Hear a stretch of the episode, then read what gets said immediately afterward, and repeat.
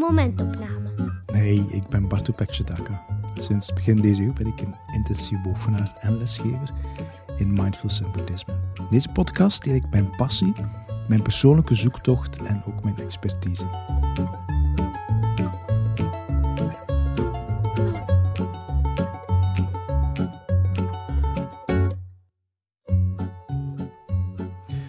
Vandaag ga ik aan de slag met een vraag van Veronique. En die vraag die is: hoe kan ik mindful omgaan met mensen, de zaakjes, uit mijn omgeving die me naar beneden halen? Dat is de vraag. Het is geen makkelijke vraag. Uh, waarschijnlijk is dat ook de reden waarom ik die vraag, die ik denk ik een maand, anderhalve maand geleden ontvangen heb van Veronique, heb laten liggen. Om, omdat ik het helemaal niet zo makkelijk vind. Er zit gewoon ook heel veel in die vraag. Um, en het is ook een heel individueel, een specifiek antwoord wat deze, deze vraag vereist. Situaties kunnen zo verschillend zijn, um, kunnen zoveel verschillende aspecten bevatten. Het is heel moeilijk om hier algemeen een antwoord op te gaan geven. Um, dit zou eerder een, een gedetailleerd bekijken naar de situatie vereisen. En toch wil ik op de vraag beantwoorden. Toch wil ik er uh, eens bij stilstaan, omdat er wel een aantal dingen te vertellen zijn die, die algemeen bruikbaar zijn. Um, dus daar ga ik een beetje tijd aan besteden. Laat me beginnen met um, een, een berichtje dat ik kreeg een paar dagen geleden van iemand die zei van ja, weet je dat er eigenlijk wel een rode draad zit in, in jouw drie laatste praatjes, jouw drie laatste podcast. En uh, aangezien ik mijn eigen podcast niet beluister, had ik dus geen idee wat die rode draad is. En dus stel ik de vraag van, ja, wat is de, wat is de rode draad dan? En het antwoord was, het gaat alle drie over aanvaarden. Had ik dus zelf nog niet door. En um, ja, laat mij dan die gewoonte breken. Um, want als ik de, de vraag van Veronique lees, dan komt er bij mij vooral in eerste instantie op van, ja, maar dit, dit hoef je niet te aanvaarden. Dit hoef je niet te aanvaarden. Dit soort gedrag, wat schadelijk is, wat iemand geen goed doet, dat hoef je niet te aanvaarden. En daar ga ik er even bij vanuit dat het hier gaat over naar beneden halen op een manier die niet behulpzaam is. We kunnen soms, um, of we worden soms naar beneden gehaald door iemand vanuit een goede motivatie. Als we echt buiten onze schoenen lopen, of uh, we maken wel serieus brokken, kan soms iemand ons wel naar beneden halen en met de voeten op de grond zetten. Um, en een beetje laten zien van, nee, maar wacht eens, wat, wat ben je hier aan het doen? Ook, ook dat is een vorm naar beneden, van naar beneden halen. Um, maar die, dat, daar zit een positieve intentie in. Ik vermoed dat de vraag van Veronique daar niet over gaat. En dat het hier dus vooral gaat over een naar beneden halen dat, um, ja, dat helemaal niet fijn is, dat ons helemaal niet helpt. En dat ons kleiner doet voelen. Kleiner op een, uh, op een manier die, die niet fijn is, die niet helpt. En dat soort naar beneden halen, dat dienen we niet te aanvaarden. Vergelijk het met in meditatie te zitten, in een meditatiehouding.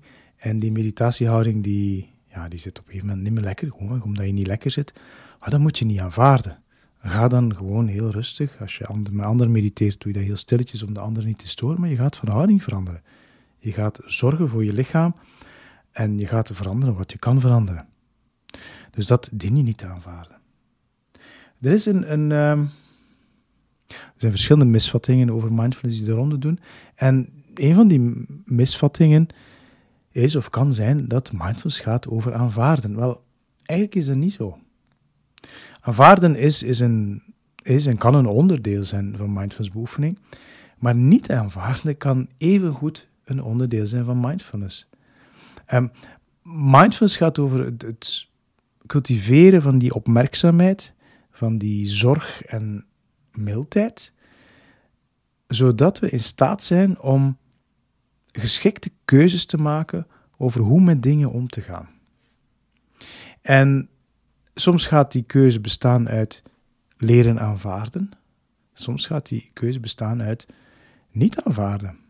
Maar dan een niet aanvaarden vanuit weerstand, maar een niet aanvaarden vanuit keuze, vanuit zorg. Wat kunnen we gaan leren aanvaarden? En dat is beoefening. Wel, als we fysieke pijn hebben, en die fysieke pijn is niet direct te verhelpen, zoals net in het voorbeeld van de meditatiehouding, waar dat wel zo was. Maar als die fysieke pijn niet te verhelpen is, dan kunnen we maar hopen dat die, die vaardigheid van aanvaarden een beetje beschikbaar is. Want als we dat niet kunnen, dan gaan we in weerstand. En weerstand levert alleen maar extra spanning, extra ballast op, die eigenlijk bovenop die fysieke pijn komt. Gaat het over een emotie, bijvoorbeeld verdriet, um, verdriet om iets wat we verloren hebben, ja, dat is een heel normale emotionele reactie en daarmee in gevecht gaan gaat niet helpen.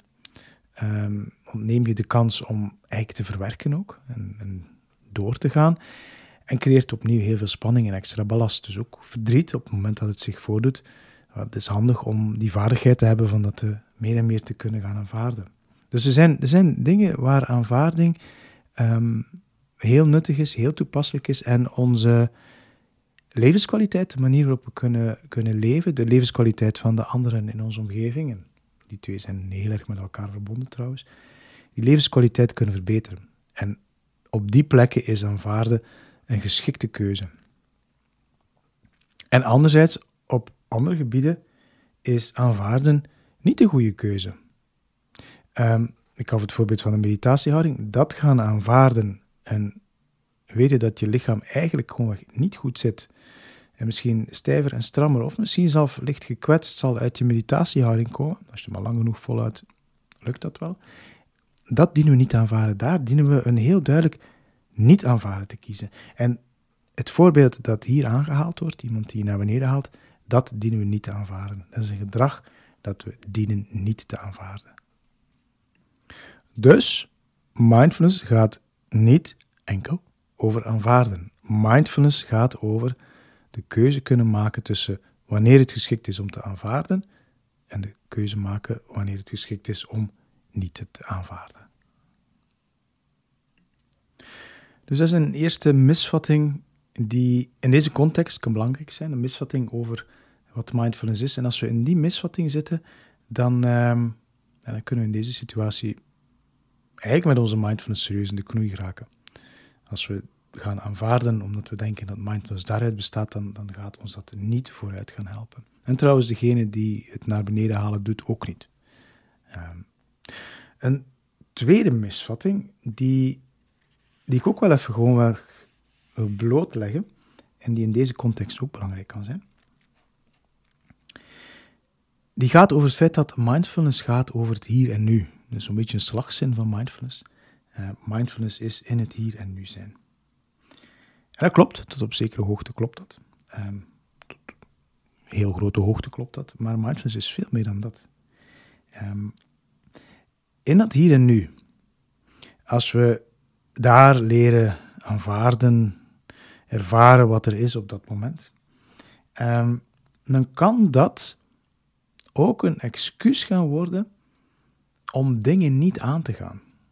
Als ik moment tot moment kan zijn bij de ervaring die er nu is en daar zijn en daar niet meer in weerstand gaan, dat is heel mooi. Dat is een prachtige vaardigheid om te gaan ontwikkelen.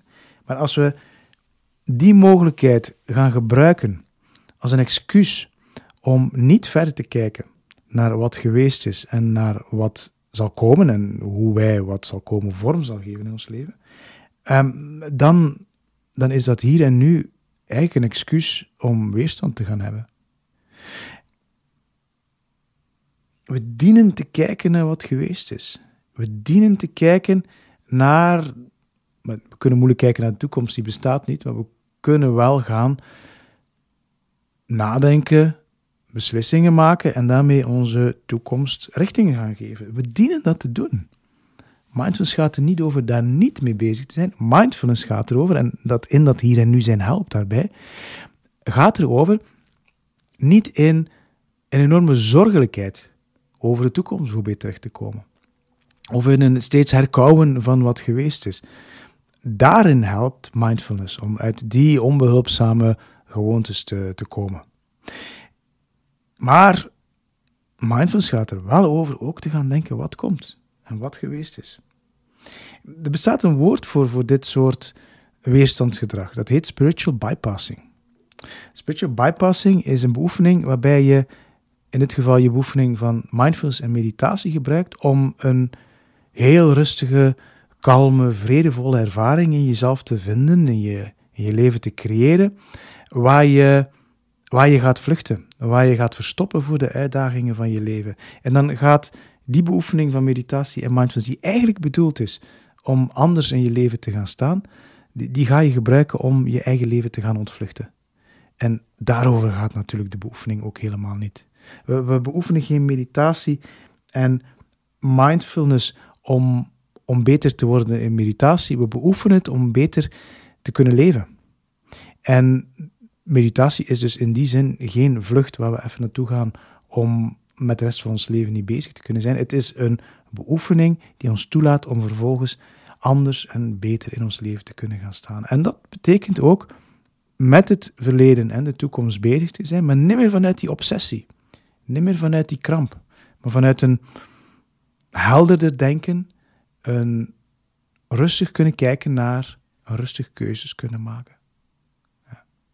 Dus dat is een, tweede misvatting die ik hier toch even wil blootleggen, omdat ook in deze context, dus iemand die je naar beneden haalt, um, als, als we in die modus zouden gaan van ja, maar ik ben in het hier en nu, in het hier en nu kan ik dat wel aanvaarden, moment tot moment, ook dat kan ons weer gaan verlammen. Ons weer gaan vastzetten en ons de kracht ontnemen om, om gerichte keuzes te maken. Keuzes die leiden tot zorg. Zorg voor jezelf, zorg voor de hele situatie. laat mij nog even specifiek naar de, de vraag teruggaan ook. Wat ik tot nu toe gezegd heb, zijn twee heel belangrijke um, doodlopende wegen om te gaan zien in je mindfulness En je kan daar letterlijk jaren, decennia zelfs tijd in doorbrengen. Denken dat je heel erg goed beoefent, maar eigenlijk gewoon vastzitten. En helemaal niet naar zorg toe kunnen gaan voor jezelf, meer zorg naar jezelf en naar de ander, naar de situatie. Maar laat mij toch even heel voorzichtig een aantal dingen proberen zeggen over, over een heel specifieke situatie waar iemand je naar beneden haalt, waar, waar dingen gebeuren die niet oké zijn. Ehm, opnieuw heel voorzichtig, want het is zo specifiek dat het ook beter specifiek bekeken wordt. Maar wat heel nuttig kan en ook zal zijn, is gewaarzijn brengen in, in hoe jij erin staat in de situatie.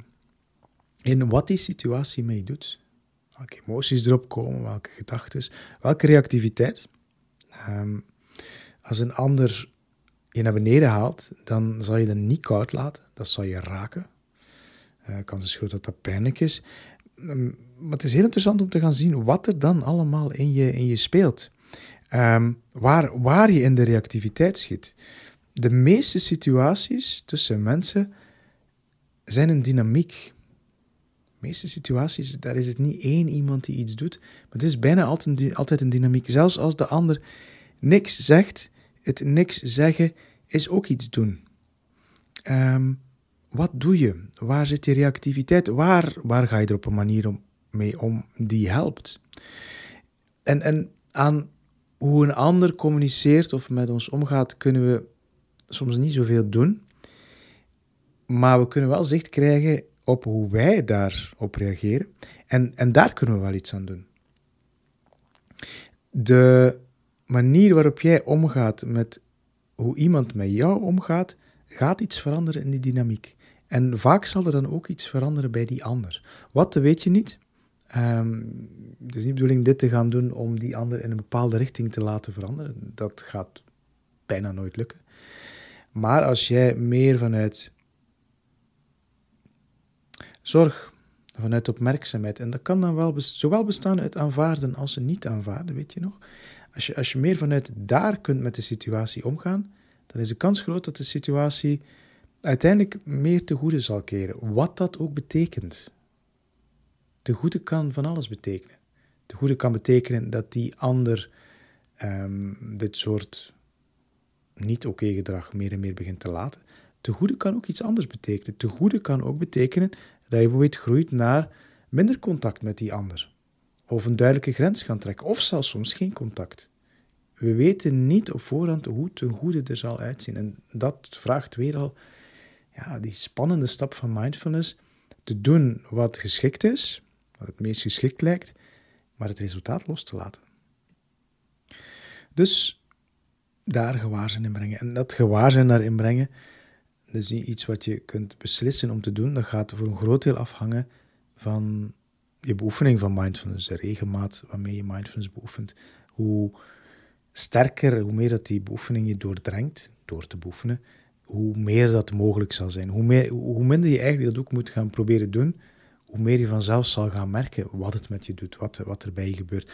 En hoe meer die helderheid zal vanzelf in je gaan beginnen ontstaan. Dus maar dat kan een heel goede zijn om tijd, tijd mee door te brengen. En dan ook het besef, denk ik nog, dat je een ander niet kan veranderen. Je kan een ander niet veranderen. Je kan, en dat gaat een beetje afhangen van je relatie tot die ander, je kan een ander vragen om naar dingen te kijken. Ehm, samen met jou, alleen met jou, misschien met hulp van iemand anders. Je kunt iemand aanmoedigen, proberen inspireren, maar je kunt niemand dwingen. Um, soms willen mensen ook niet gaan kijken naar zichzelf. Soms kunnen mensen ook niet kijken naar zichzelf, omdat ze de vaardigheid niet hebben. Um, soms is gewoon kijken naar jezelf op een bepaald moment te moeilijk, te uitdagend, te pijnlijk. En is het gewoon echt niet mogelijk. En je kan niemand dwingen om dat te willen. Je kunt niemand dwingen om dat te kunnen. Je kunt hoogstens aanmoedigen en dan zien wat er gebeurt. En dat allemaal gezegd zijnde, en het zijn allemaal heel behulpzame dingen om te doen. Laten we tegelijk ook vermijden om in de valstrik te vallen, om alles bij ons te leggen en alle verantwoordelijkheid bij ons te leggen. Um, zoals al gezegd, mindfulness kan er even goed uit bestaan die keuze te maken om te zeggen: nee, dit aanvaard ik niet. En het is goed om bij jezelf te kijken wat er gebeurt, maar ga niet in die illusie stappen dat je daarmee alles kunt gaan fixen. En ga niet de ander van zijn verantwoordelijkheid gaan, ja, zijn verantwoordelijkheid gaan ontnemen. Ehm, als een ander iets doet wat niet klopt, dan kunnen we ook gewoon zeggen: dit klopt niet. Dit aanvaard ik niet. En dat is even mindful, even mindful als naar je eigen reacties kijken, je eigen emoties daar rond. Ehm, het ene sluit het ander niet uit. Ik zou meer zelfs zeggen, um, die twee die kunnen elkaar heel erg gaan versterken. Ja. Dus, een moeilijk onderwerp. Um, hopelijk heb ik een aantal dingen gezegd die, die behulpzaam zijn. Um, zoals gezegd, geen heel specifieke dingen. Daarvoor zijn deze situatie, situaties veel te specifiek. Maar ik hoop vooral dat ik ons zicht op mindfulness in zo'n situaties als deze, waar dingen gebeuren die niet oké zijn, dat we ons zicht op mindfulness, dat ik dat een beetje heb kunnen opentrekken. En het van aanvaarden heb kunnen weghalen. Dat is een, eigenlijk geen aanvaarden, een soort gelatenheid. Naar de creatieve keuze kunnen maken tussen aanvaarden en niet aanvaarden. En wanneer het ene en wanneer het andere geschikt en behulpzaam is. Oh, en nog een kleine tip. Helpt deze podcast je? Wel, geef het eens door aan anderen. Misschien helpt het anderen ook.